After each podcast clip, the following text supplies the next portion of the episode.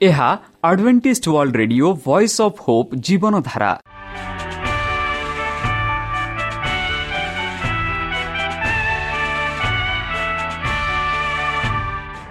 Odia radio କାର୍ଯ୍ୟକ୍ରମ ଯାହା ଆମର ଆନ୍ତର୍ଜାତୀୟ ଆଘାତ କେନ୍ଦ୍ରରୁ ପ୍ରସାରଣ କରାଯାଉଛି ପ୍ରତିଦିନ ରାତି ନଅଟା ତିରିଶ ମିନିଟ୍ରେ। ମୁଁ ସୁବ୍ରତ କୁମାର ପତି ପ୍ରେମର ସହ ଆପଣମାନଙ୍କୁ ଏହି କାର୍ଯ୍ୟକ୍ରମକୁ ସ୍ୱାଗତ କରୁଅଛି। ଚାଲନ୍ତୁ ଆଜିର ତିରିଶ ମିନିଟ୍ର କାର୍ଯ୍ୟକ୍ରମ ବିଷୟରେ ଜାଣିନେବା। ପ୍ରଥମେ ରଖିଛୁ ଆଧ୍ୟାତ୍ମିକ ଭକ୍ତିମୟ ଗୀତ। ଭକ୍ତଙ୍କଠାରୁ ଜୀବନଦାୟକ ଈଶ୍ୱରଙ୍କ ବାକ୍ୟ।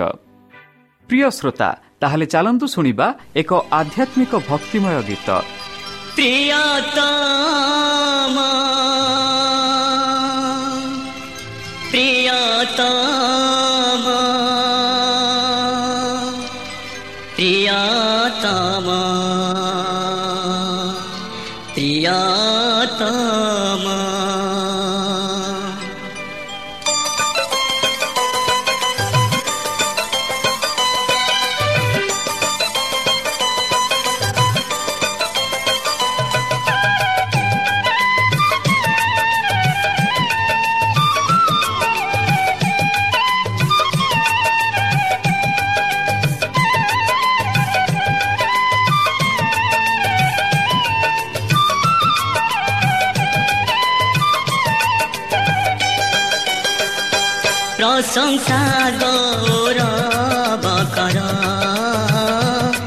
প্রশংসা গৌরব কর রাজা ধীরাজ প্রভুঙ্কর প্রশংসা গৌরব কর রাজা ধীরাজ প্রভুঙ্কর সে তো জ্যোতির্ময় সে তো সুধাময়, সে তো তো সুধাময় সে যে পরিত্রাণ কর প্রশংসা গৌরব কর রাজা ধীরাজ প্রভু কর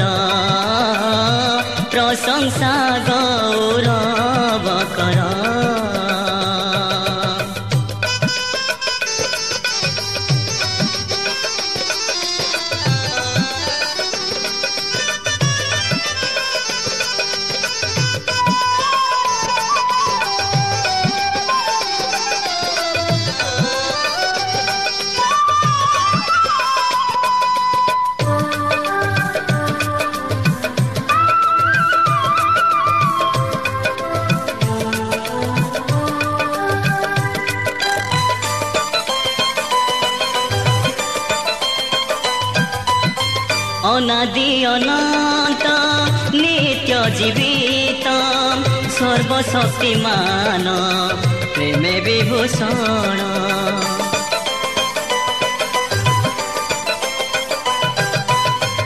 অনাদি অনন্ত, নিত্য জীবিত, সর্বশক্তিমান, প্রেমে বিভূষণ। অতুলনীয়তা দয়া ক্ষমা গুণ আম মর জীবন পর। কর রাজা ধীরাজ প্রভু কর প্রশংসা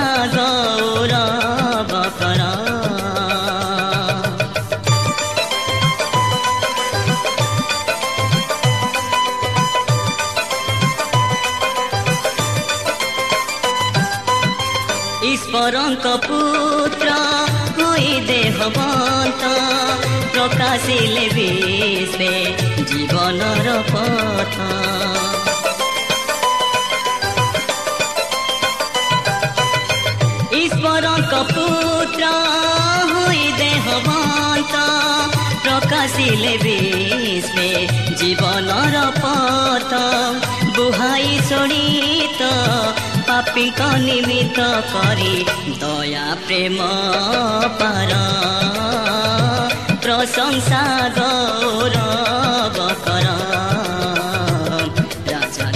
রাজ প্রভু কর। প্রশংসা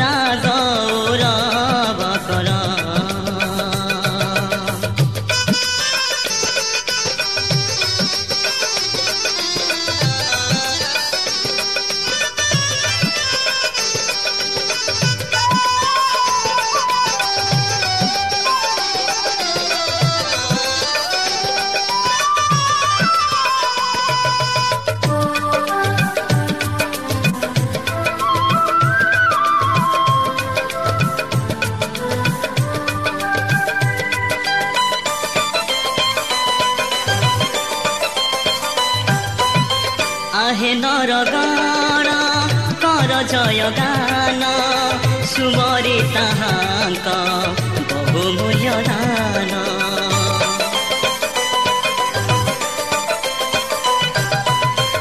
আহে নর গণ কর জয় গান, সুমরে তাহাঙ্ক, বহুমূল্য দান। প্রয়োজন যা করন্তি প্রদান পাশে ଥାଇ ତୋ ପ୍ରତିକ୍ଷଣ ପ୍ରଶଂସା ଗୌରବ କର ରାଜାଧିରାଜ ପ୍ରଭୁଙ୍କର ପ୍ରଶଂସା ଗୌରବ କର ରାଜାଧିରାଜ ପ୍ରଭୁଙ୍କର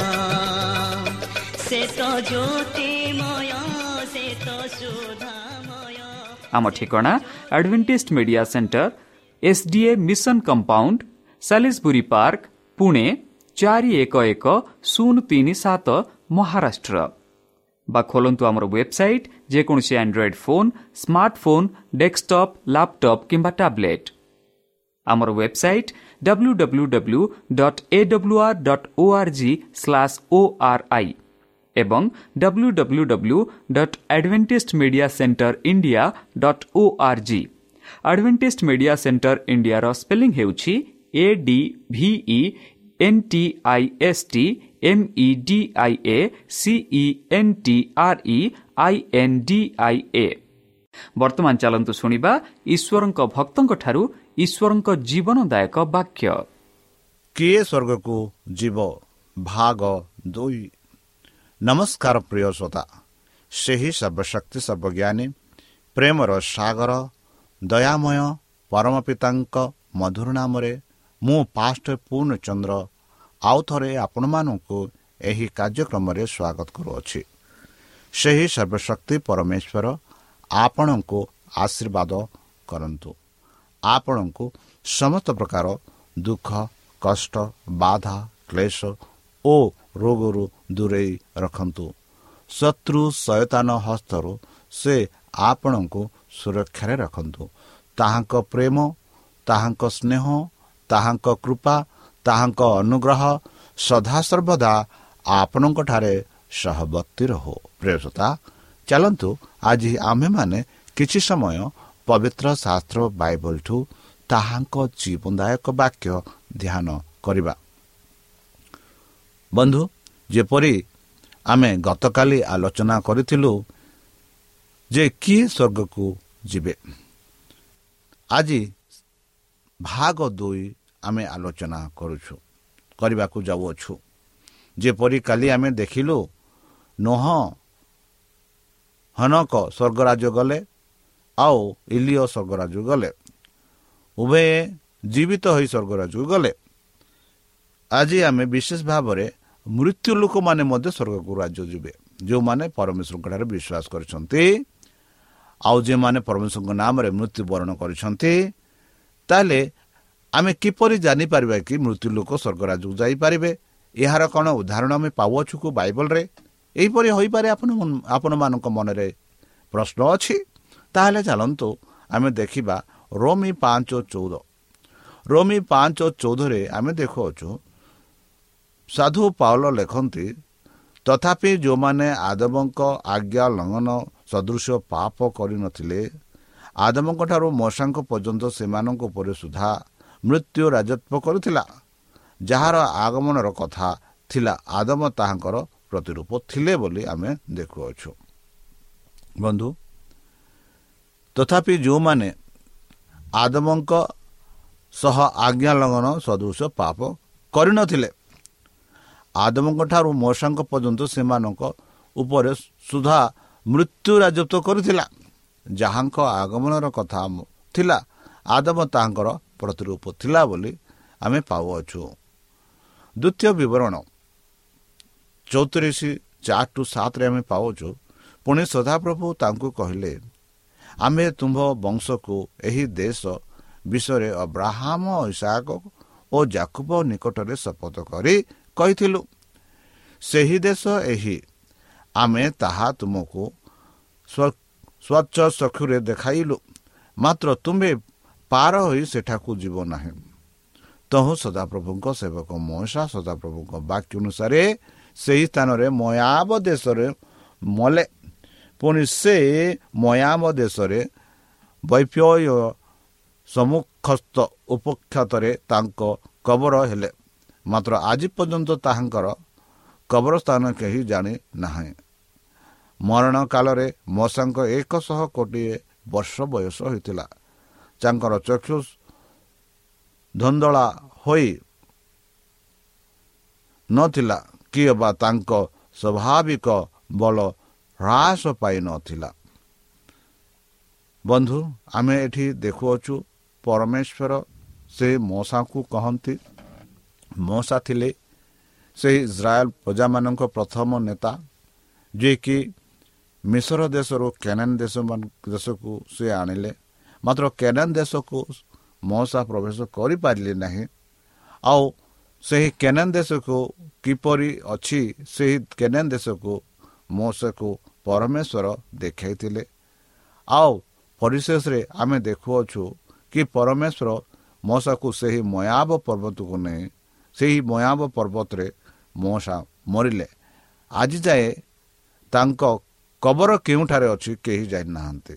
ଏହିପରି ପବିତ୍ର ଶାସ୍ତ୍ର ବାଇବଲ ଏମାନଙ୍କୁ ବାଇବଲ ଏମାନଙ୍କୁ କହୁଛି। ତାହା ଆମେ ଦ୍ୱିତୀୟ ବିବରଣ ଚଉତିରିଶ ଚାରି ଟୁ ସାତ। ମାତ୍ର ଆମେ ମଶା କେଉଁଠାରେ ଅଛି ତାହା ଆମେ ଯୋଉଦା ନରେ ସ୍ପଷ୍ଟ ରୂପେ ପାଉଅଛୁ।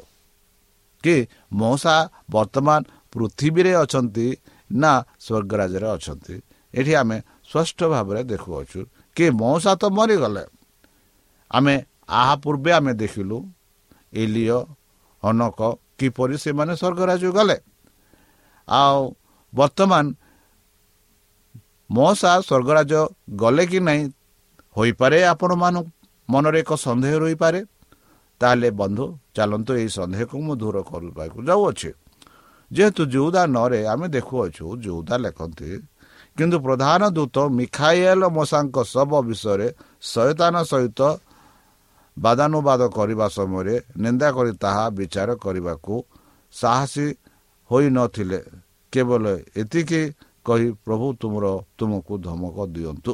ବନ୍ଧୁ ଆମେ ଦେଖୁଅଛୁ କି ପରମେଶ୍ୱର ତାଙ୍କ ମିଖାଏଲ ଯୀଶୁଖ୍ରୀଷ୍ଟ ତାଙ୍କ ପାଖକୁ ଆସି ଯୀଶୁଖ୍ରୀଷ୍ଟ ତାଙ୍କୁ ନେଇଗଲେ ସ୍ୱର୍ଗକୁ ବୋଲି ଆମେ ଦେଖୁଅଛୁ। ଯେହେତୁ ଶୟତାନ ଭାବିଲା ବର୍ତ୍ତମାନ ମଶା କବରରେ ଅଛନ୍ତି ଆଉ ସେ କବର ମୋର ଅଧୀନରେ ଅଛି ବୋଲି ସେ ଭାବିଲା। ମାତ୍ର ଆମେ ଦେଖୁଅଛୁ ସେହି ସ୍ୱର୍ଗର ଦୂତ ମିଖାଏଲ ମଶାଙ୍କ ଶବ ବିଷୟରେ ଶୈତାନ ସହିତ ବାଦାନୁବାଦ କରିବା ସମୟରେ ନିନ୍ଦା କରି ତାହାର ବିଚାର କରିବାକୁ ସାହସୀ ହୋଇନଥିଲେ। କେବଳ ଏତିକି କହିଲେ ପ୍ରଭୁ ତୁମକୁ ଧମକ ଦିଅନ୍ତୁ ବୋଲି କହିଲେ। ବନ୍ଧୁ କେଡ଼େ ସୁନ୍ଦର ଭାବରେ ଆମେ ଦେଖୁଅଛୁ କି ମଉସା ସ୍ୱର୍ଗରାଜକୁ ଗଲେ। ଆଉ ଏକ ଉଦାହରଣ ଆମେ ଦେଖୁଅଛୁ। ଲୁକ ନଦ ତିରିଶ ଏକତିରିଶ ଆମେ ଦେଖୁଅଛୁ କି ମଶା ସ୍ୱର୍ଗରେ ଅଛନ୍ତି କି ନାହିଁ ବା ମଶା ମୃତ୍ୟୁବରଣ କରି ଏହି ପୃଥିବୀରେ ଅଛନ୍ତି କି? ଆମେ ଦେଖୁ ଯଦି ଲୁକ ନ ତିରିଶ ଏକତିରିଶ ସେଠି ଆମେ ପାଉଛୁ ଏକ ସୌନ୍ଦର୍ଯ୍ୟ କଥା ଯାହା ଯୀଶୁଖ୍ରୀଷ୍ଟଙ୍କ ଶିଷ୍ୟମାନେ ଏହା ଦେଖିଥିଲେ ଅନୁଭବ କରିଥିଲେ ଏଠି ଲେଖାଯାଇଅଛି ଆଉ ଦେଖ ମଶା ଓ ଏଲିଓ ଏହି ଦୁଇ ବ୍ୟକ୍ତି ତାହାଙ୍କ ସହିତ କଥାବାର୍ତ୍ତା କରିବାକୁ ଲାଗିଲେ କାହାଙ୍କ ସହ କାହାଙ୍କ ସହ ଯୀଶୁ ଖ୍ରୀଷ୍ଟଙ୍କ ସହ କଥାବାର୍ତ୍ତା ହେବାକୁ କଥାବାର୍ତ୍ତା ହେଉଥିଲେ ବୋଲି ଆମେ ପାଉଅଛୁ ଏଠି। ଆଉ ଦେଖ ମଶା ଓ ଏଲିଓ ଏହି ଦୁଇ ବ୍ୟକ୍ତି ତାହାଙ୍କ ସହିତ କଥାବାର୍ତ୍ତା କରିବାକୁ ଲାଗିଲେ। କାହାଙ୍କ ସହ? ଯୀଶୁ ଖ୍ରୀଷ୍ଟଙ୍କ ସହ କଥାବାର୍ତ୍ତା ହେବାର ସେହି ଶିଷ୍ୟମାନେ ଦେଖିଲେ। ସେମାନେ ଗୌରବରେ ଦର୍ଶନ ଦେଇ ସେ ଜେରୁସାଲାମର ଯେଉଁ ମହାପ୍ରସ୍ଥାନ କରିବାକୁ ଉଦ୍ୟତ ଥିଲେ ସେହି ବିଷୟରେ କହୁଥିଲେ। ଯେଉଁମାନେ ଖ୍ରୀଷ୍ଟ ସହ ପୁନରୁତ୍ଥାନ ହେଲେ ସେମାନେ ସ୍ୱର୍ଗକୁ ଗଲେ। ବନ୍ଧୁ ଆମେ ଏହିପରି ଦେଖୁଅଛୁ ଯେ ଯୀଶୁଖ୍ରୀଷ୍ଟ ମୃତ୍ୟୁବରଣ ହେବା ପୂର୍ବେ ଯୀଶୁଖ୍ରୀଷ୍ଟଙ୍କୁ କୃଷରେ ଟଙ୍ଗାଇବା ପୂର୍ବେ ଯୀଶୁଖ୍ରୀଷ୍ଟ ଜେରୁସାଲମକୁ ଯିବା ପୂର୍ବେ ଆମେ ଦେଖୁଅଛୁ ମଉସା ଓ ଏଲିଓ ଯୀଶୁଖ୍ରୀଷ୍ଟଙ୍କ ପାଖକୁ ଆସି ଯୀଶୁଖ୍ରୀଷ୍ଟଙ୍କୁ ସ୍ୱାନ୍ତନା ଦେଉଛନ୍ତି। ଆଉ ଏଠି ଆମେ ପାଉଅଛୁ କି ସେମାନେ ଗୌରବରେ ଦର୍ଶନ ଦେଇ ସେ ଜେରୁସାଲାମରେ ଯେଉଁ ମହା ପ୍ରସ୍ଥାନ କରିବାକୁ ଉଦ୍ୟତ ଥିଲେ ସେଇ ବିଷୟରେ କହୁଥିଲେ ବୋଲି ଆମେ ପାଉଛୁ।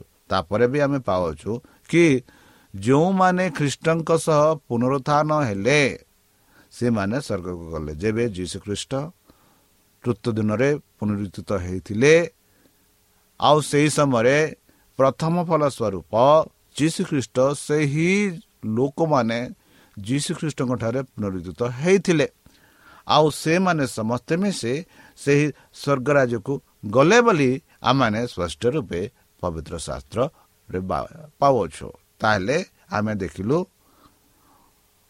ତିନି ବ୍ୟକ୍ତି ଯେମାନେ ସ୍ୱର୍ଗରାଜକୁ ଗଲେ ପ୍ରଥମ ବ୍ୟକ୍ତି ଥିଲେ ଯେ କି ସଦାପ୍ରଭୁଙ୍କ ସହ ଗମନ ଗମନା କଲେ ଆଉ ସେ ଥିଲେ ସେଇ ଯେଉଁ ହନକ ଆଉ ଦ୍ୱିତୀୟ ବ୍ୟକ୍ତି ଥିଲେ ଯିଏକି ପରମେଶ୍ୱରଙ୍କ ସହ ଗମନାଗମନ କଲେ ଆଉ ପରମେଶ୍ୱର ତାହାଙ୍କ ପାଇଁ ଏକ ଅଗ୍ନିମୟ ରଥ ପଠାଇଲେ ସେହି ଅଗ୍ନିମୟ ରଥ ଅଗ୍ନିମୟ ଅଶ୍ୟମାନେ ଚଲାଉଥିଲେ ଆଉ ସେହି ଅଶ୍ୟରେ ରଥରେ ବସି ଏଲିଓ ସ୍ୱର୍ଗକୁ ଗଲେ ବୋଲି ଆମେ ଦେଖାଉଛୁ ଆଉ ତୃତୀୟ ବ୍ୟକ୍ତି ଯିଏକି ସେହି ପର୍ବତରେ ମରଣ ହେଲେ ଆଉ ସେହି ପର୍ବତରେ ସେହି ଈଶ୍ୱରଙ୍କ ଦୂତମାନେ ଆସି ତାହାକୁ ନେଲେ ବୋଲି ଆମେ ପାଉଅଛୁ। ଆଉ ବର୍ତ୍ତମାନ ଆମେ ଦେଖୁଅଛୁ କି ସେହି ବ୍ୟକ୍ତିମାନେ ଯିଏକି ପରମେଶ୍ୱର ସେମାନଙ୍କୁ ନେଇଥିଲେ ସେହି ଭବିଷ୍ୟତ ଭକ୍ତମାନେ ଯୀଶୁଖ୍ରୀଷ୍ଟଙ୍କୁ ସ୍ୱାନ୍ତନା ପ୍ରଦାନ କରୁଛନ୍ତି। କାରଣ ଆମେ ଦେଖିଲୁ ଆଉ ଥରେ ମୁଁ ପଢ଼ୁଛି ଲୁକନ ତିରିଶ ଟୁ ଏକତିରିଶ ଆଉ ଦେଖ ମଶା ଓ ଏଲିଓ ଏହି ଦୁଇ ବ୍ୟକ୍ତି ତାହାଙ୍କ ସହିତ କଥାବାର୍ତ୍ତା କରିବାକୁ ଲାଗିଲେ। କ'ଣ କଥାବାର୍ତ୍ତା କରୁଥିଲେ? କି ଗୌରବ ଜେରୁସାଲାମରେ ଯେଉଁ ମହାପ୍ରସ୍ଥାନ କରିବାକୁ ଉଦ୍ଦେଶ୍ୟ ଥିଲା ସେହି ବିଷୟରେ ସେମାନେ କଥାବାର୍ତ୍ତା କରୁଥିଲେ। ଆଉ ତାପରେ ଆମେ ଦେଖୁ ଯୀଶୁଖ୍ରୀଷ୍ଟ ମରଣ ପରେ ପୁନରୁଦ୍ଧିତ ହୋଇଥିଲେ। ଆଉ ସେହି ସମୟରେ ଯେତେ ଲୋକେ ମରିଥିଲେ ତାହାଙ୍କଠାରେ ବିଶ୍ୱାସ କରିଥିଲେ ସେମାନେ ପୁନରୁଦ୍ଧିତ ହେଲେ ଆଉ ସେମାନେ ସେହି ସ୍ୱର୍ଗରାଜକୁ ଗଲେ ବୋଲି ଆମେ ପାଉଅଛୁ। ବନ୍ଧୁ ମାଥ୍ୟୁ ସତେଇଶ ଏକାବନ ଟୁ ତେବନରେ ଆମେ ପାଉଅଛୁ। ପୁଣି ଦେଖ ମନ୍ଦିରର ବିଚ୍ଛତ ବସ୍ତ୍ର ଉପରକୁ ଜଳ ପର୍ଯ୍ୟନ୍ତ କରି ଦୁଇ ଖଣ୍ଡ ହେଲା ଆଉ ଭୂମିକମ୍ପ ହେଲା ଆଉ ଶଳ ସବୁ ବିଦୀର୍ଣ୍ଣ ହେଲା ଏହା ଆମେ ଦେଖୁଅଛୁ କି ଯୀଶୁଖ୍ରୀଷ୍ଟଙ୍କ ମୃତ୍ୟୁ ସମୟରେ କିପରି ଏହିପରି ଘଟଣା ହୋଇଥିଲା ସେହି ମନ୍ଦିରରେ। ପୁଣି ସମାଧି ସମୂହ ଉନ୍ନକ୍ତ ହେଲା। ଓ ମହାନିଦ ଗାତ ଅନେକ ସାଧୁଙ୍କ ଲୋକ ଶରୀର ଉଦାପିତ ହେଲା। ବନ୍ଧୁ କେଡ଼େ ସୁନ୍ଦର ଭାବରେ ଆମେ ଦେଖୁଅଛୁ ଯେବେ ଯୀଶୁଖ୍ରୀଷ୍ଟ ପୁନରୁଦ୍ଧିତ ହେଲେ ସେତେବେଳେ ଅନେକ ମହାନିଦ୍ରା ମହାନିଦ୍ରାଗତ ମାନେ ଯେମାନେ ମରଣ ଭୋଗିଥିଲେ ସେହି ସାଧୁମାନେ ଶରୀର ରୂପେ ପୁନରୁଦ୍ଧିତ ହେଲେ। ପୁଣି ତାହାଙ୍କ ଉଦ୍ଧାନ ଉତ୍ତାରେ ସେମାନେ ସମାଧିରୁ ବାହାରି ପୁଣ୍ୟ ନଗରୀରେ ପ୍ରବେଶ କଲେ ଓ ଅନେକଙ୍କୁ ଦର୍ଶନ ଦେଲେ। ବନ୍ଧୁ ଅନେକ ଲୋକ ସେମାନଙ୍କୁ ଦର୍ଶନ ଦେଇଥିଲେ। ଅନେକ ଲୋକ ସେମାନଙ୍କୁ ଦେଖିଥିଲେ ବୋଲି ଆମେ ପବିତ୍ର ଶାସ୍ତ୍ର ବାଇବଲରେ ପାଉଅଛୁ। ବନ୍ଧୁ ଏଭିସିଓ ଚାରି ଆଠରେ ଆମେ ପାଉଛୁ ଏଥି ନିମନ୍ତେ ଉକ୍ତ ଅଛି ଯେ ଉର୍ଦ୍ଧ୍ୱରେ ଆରୋହଣ କରି ବନ୍ଧୀମାନଙ୍କୁ ବନ୍ଦୀ କରି ନେଇଗଲେ ଆଉ ମନୁଷ୍ୟମାନଙ୍କୁ ନା ନା ବରଦାନ ଦେଲେ ବନ୍ଧୁ କେଡ଼େ ସୁନ୍ଦର ଭାବରେ ଆମେ ପାଉଅଛୁ କେଉଁମାନଙ୍କୁ ସ୍ୱର୍ଗରେ ନାଗରିକ ପ୍ରଦାନ କରିବ ଯେଉଁ ଲୋକ ସେଇ ଯୀଶୁଖ୍ରୀଷ୍ଟଙ୍କଠାରେ ବିଶ୍ୱାସ କରନ୍ତି ଯେଉଁମାନେ ଯୀଶୁଙ୍କ ସହ ଚାଲନ୍ତି ଯେଉଁମାନେ ତାହାଙ୍କ ବାକ୍ୟରେ ବିଶ୍ୱାସ କରି ନିଜକୁ ପରିଚାଳନା କରନ୍ତି ସେମାନେ ହିଁ ସ୍ୱର୍ଗରାଜକୁ ଯିବେ ଯେପରି ଜିସାୟ ଭବିଷ୍ୟତ ଭକ୍ତ ଲେଖନ୍ତି ଜିସା ଏକ ଅଠରରୁ କୋଡ଼ିଏରେ ସଦାପ୍ରଭୁ କହନ୍ତି ବୋଲି ସେ କହନ୍ତି ଆସ ଆମେମାନେ ଉତ୍ତର ପ୍ରଚୁରତ କରୁ। ଦୂତମାନଙ୍କର ପାପ ସବୁ ସିନ୍ଦୁର ବର୍ଣ୍ଣ ପରି ହେଲେ ହିଁ ହିମ ପରି ଶୁକ୍ଳ ବର୍ଣ୍ଣ ହେବ।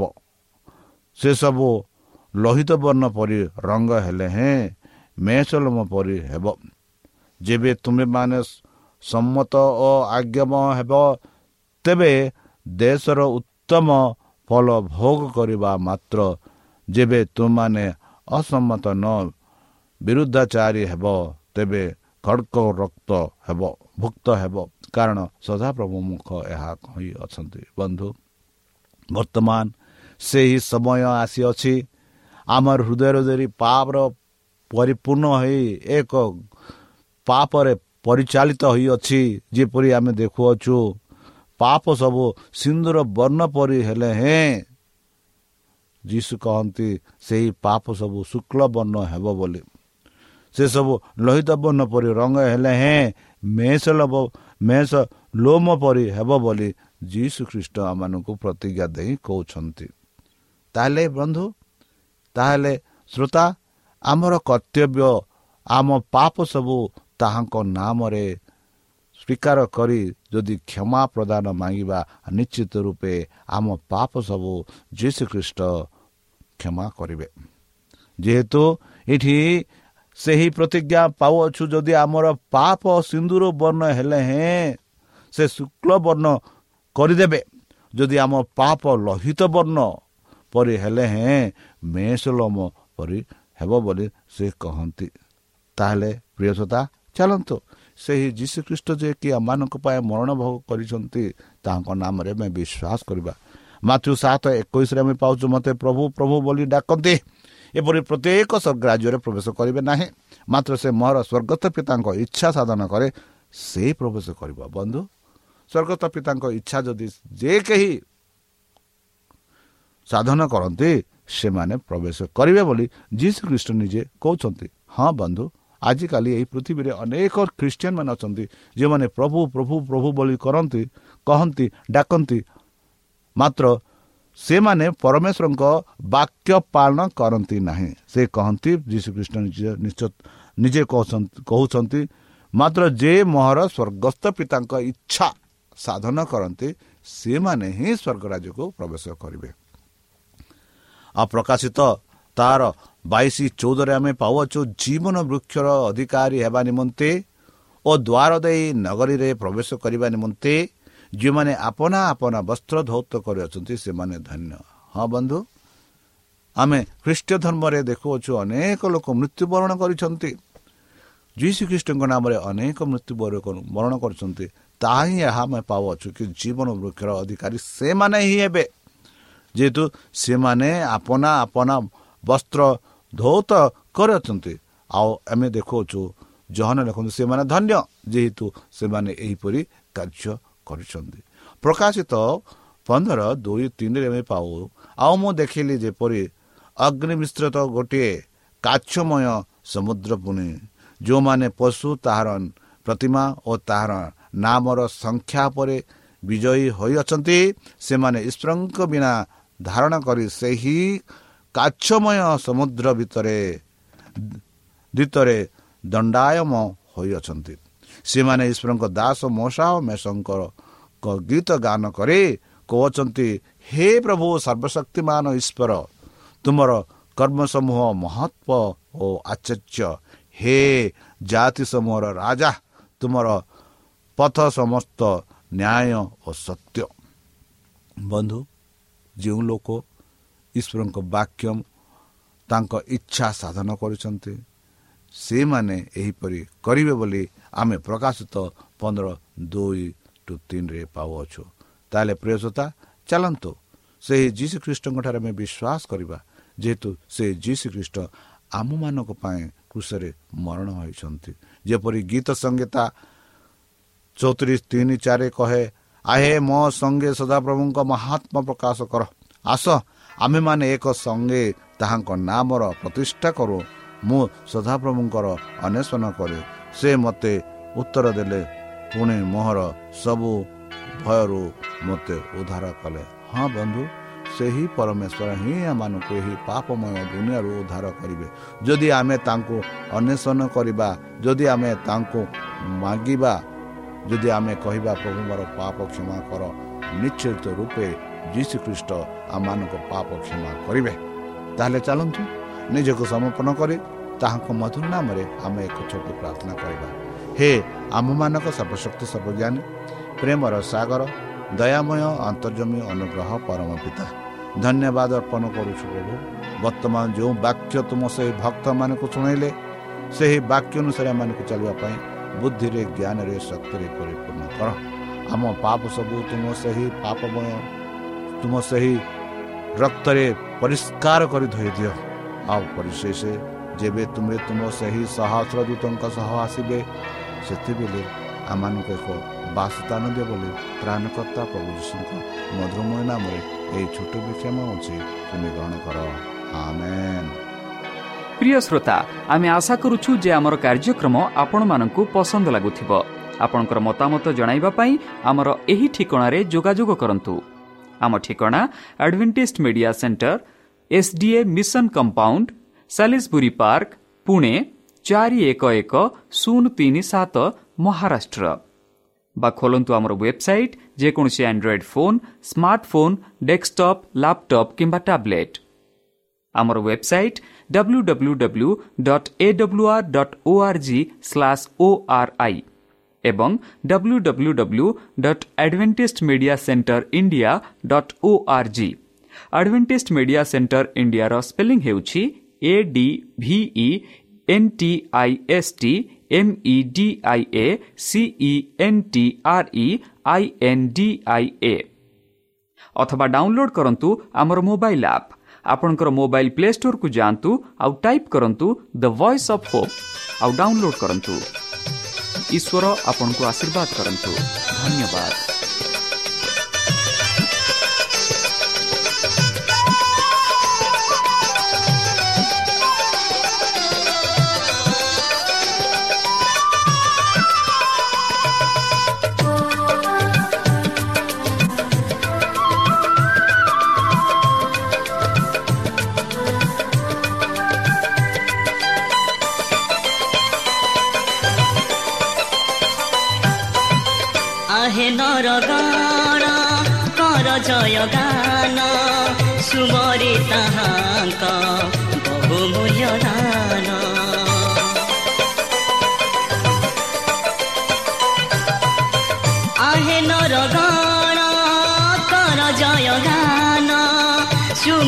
তাহাঙ্ক বহু মূল্য দান প্রয়োজন যাহা କରନ୍ତି ପ୍ରଦାନ ପାଶେ ଥାଇ ତୋ ପ୍ରତିକ୍ଷଣ ପ୍ରଶଂସା ଗୌରବ କର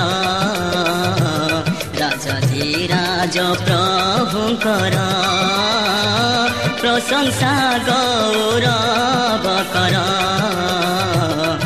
রাজা ধীরাজ প্রভুঙ্কর সে তো জ্যোতির্ময় সে তো সুধাময় সে তো জ্যোতির্ময়